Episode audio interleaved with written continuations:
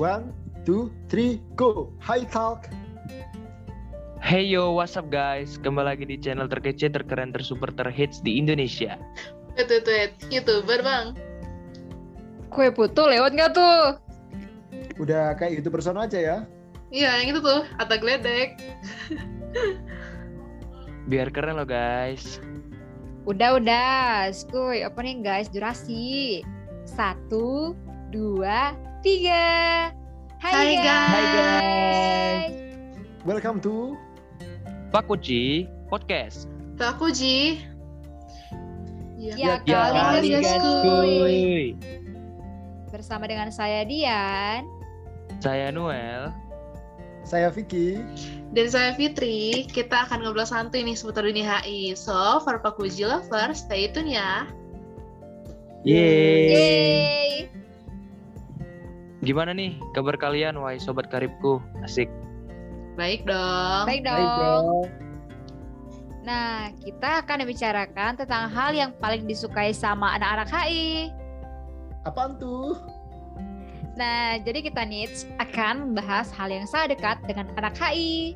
Yaitu bahasa Inggris. Tapi yang kita bahas adalah fun fact dari bahasa Inggris yang jarang teman-teman tahu nih. Waduh, harus on cam gak nih? Ya, enggak dong. Ini kan podcast, cuy. Iya nih, ada-ada aja, ada-ada aja. Alah, ada-ada aja kamu Noel. Ya sorry guys, namanya maaf.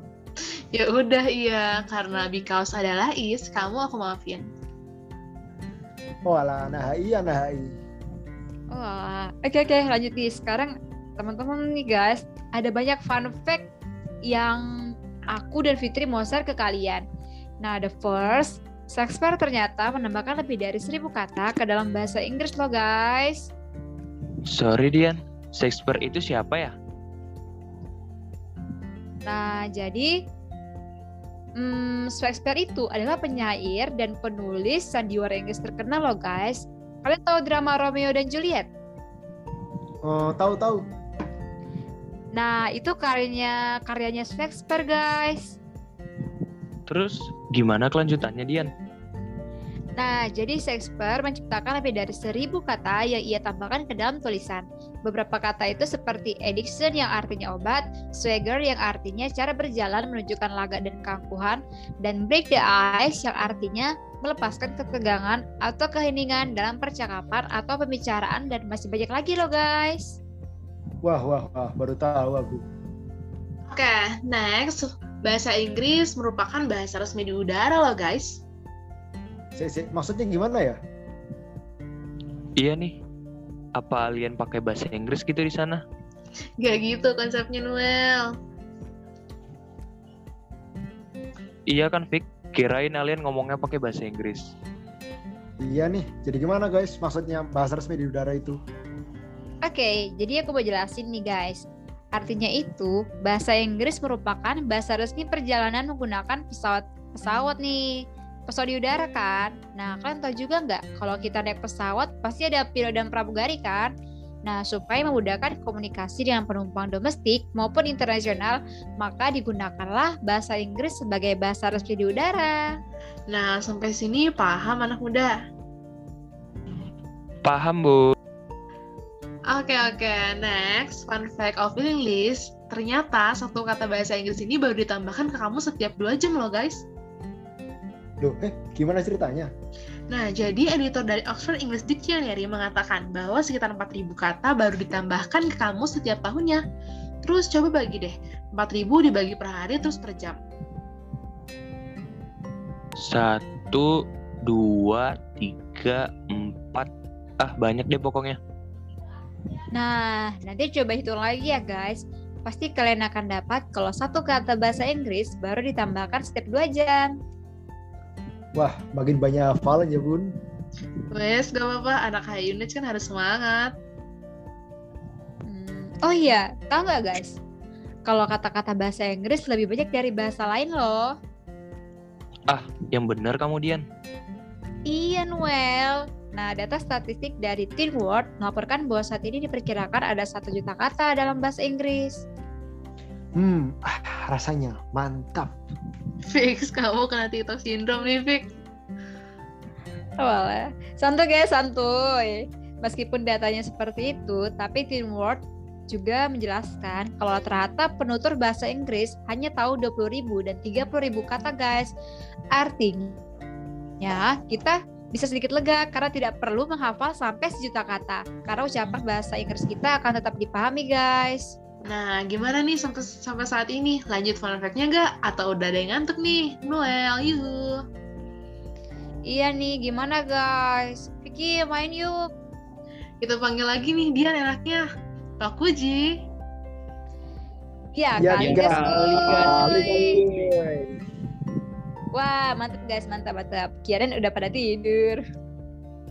Gaspol guys. Skuy skuy, next fun fact-nya. Oke oke sabar. Nah sekarang kalian tahu nggak sih guys kalau huruf E ini paling sering digunakan dalam bahasa Inggris? Loh iya, Iya Fik. Jadi menurut Oxford Dictionaries huruf E ini paling sering digunakan dalam bahasa Inggris dan Q yang paling jarang. Beda berapa tuh Fit? Bedanya lebih dari 56 kali loh guys penggunaan huruf E dan huruf Q. Kasian, Kinya ditinggalin jauh. hmm, mulai nih bapernya. Antara baper sama curhat sih ini. Eh, Enggak loh, kamu ini. Apalagi nih guys, fun fact bahasa Inggrisnya. Gak sabaran nih aku, asik banget soalnya. Iya nih, ternyata seru ya pembahasan kita kali ini, gengs. Aku banyak dapat ilmu baru hari ini. Oke oke sabar-sabar. Ini aku mau jelasin kok. Nah fun fact selanjutnya beberapa kata bahasa Inggris terlihat sama ketika dieja di depan atau belakang dan juga ketika dilihat dari atas. Ah, yang bener kamu Fit. Bener dong, kata atau frasa yang ejaan yang sama ketika dibaca dari kiri ke kanan atau sebaliknya itu disebut palindrom. Contohnya adalah madam. Coba eja deh guys. Hmm, oh iya guys, dari kiri ke kanan madam, terus dari kanan ke kiri lah madam juga. Pasti dong guys. Terus yang dilihat dari atas itu gimana? Nah, kalau kata yang terlihat sama ketika dilihat dari atas itu disebutnya amigram. Contohnya adalah kata swims. Jika semua kata ditulis huruf besar, coba deh. Weh, iya. Seriusan, bener ternyata. Gimana guys, apa kataku? Oke, next. Tau nggak sih guys, kalau ada kata bahasa Inggris yang diulang akan membentuk kata baru? Hmm, baru denger aku ada gituan. Nah, jadi itu namanya tautonim atau dalam ilmu bahasa Inggris artinya kata yang terdiri dari dua kata yang sama. Misalnya, so-so. Arti dari kalimat itu adalah just okay atau fine guys. Bener juga ya. Aku pernah dengar kata itu, tapi nggak tahu artinya apa. Belum selesai loh guys, ada beberapa fun fact lagi nih yang aku sama Dian mau share ke kalian dan para pakuji lovers. That's right, guys. So I hope you will uh, still hear this podcast. What's next fun fact, my friends? Asik, udah lancar banget ya bahasa Inggrisnya bro. Pastinya dong bro, bukan kaleng-kaleng nih. Siap, siap. Udah ada kemajuan nih berarti. Oke oke, next ada fun fact selanjutnya nih. Kalian tahu nggak sih Pakuji lovers kalau ternyata kebanyakan kata bahasa Inggris berasal dari Perancis dan Old English loh. Gimana ceritanya?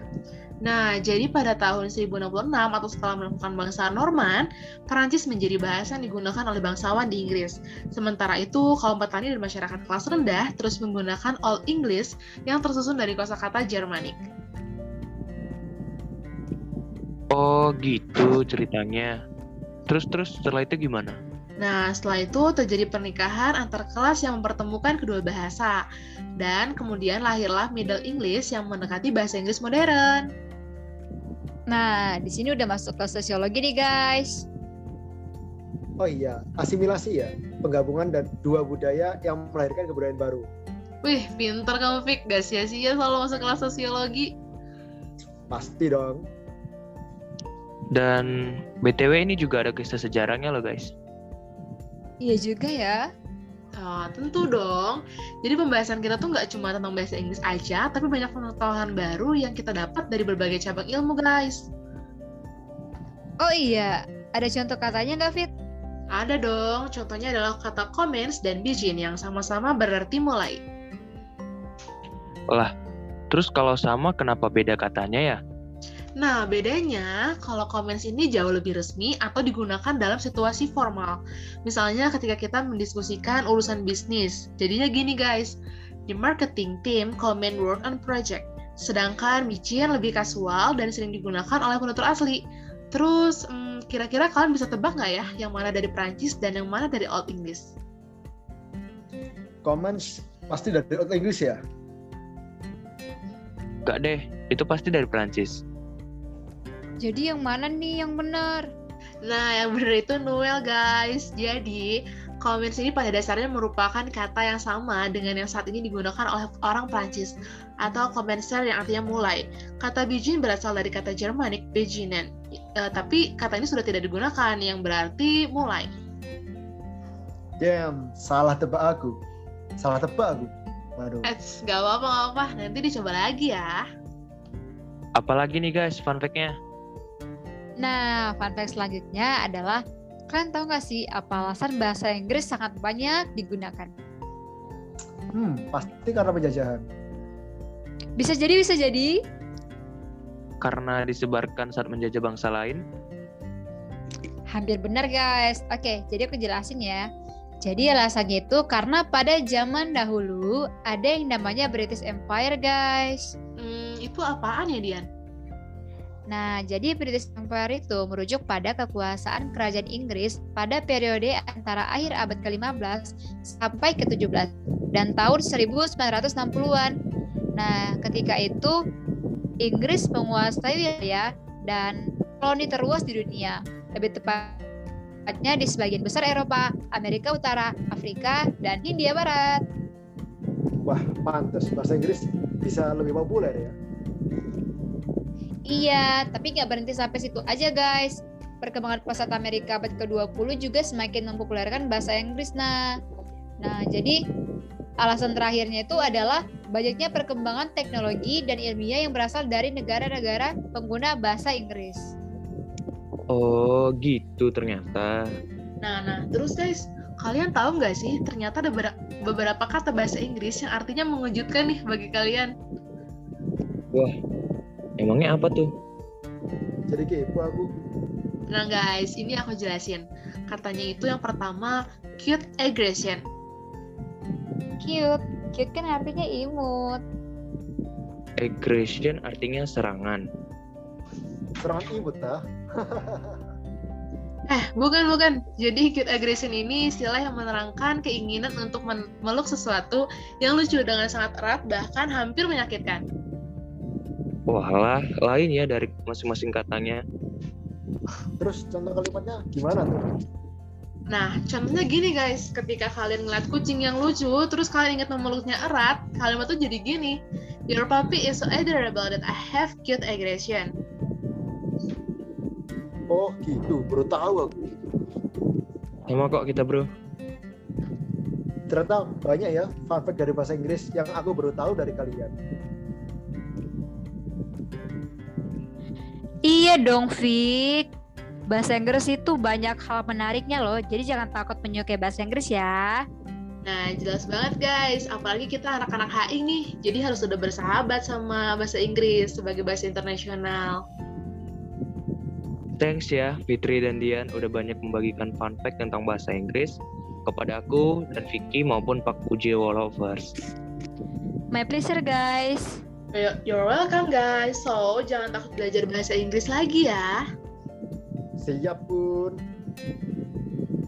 Nah, jadi gitu guys perbincangan kita kali ini di HI Talk Pak Puji Podcast bersama kami mahasiswa hubungan internasional Universitas Jember 2020. Nah, semoga kalian banyak mendapat manfaat, ilmu, pengetahuan baru yang dapat menambah kecintaan kalian kepada bahasa Inggris ya, Petuji Lovers. Sekian dari kami teman-teman. Thank you very much to hear our podcast our podcast guys. See you later. Pak Puji, Ya kali nggak Jangan sekali. sekali. Kuy. See you guys. See you guys. guys.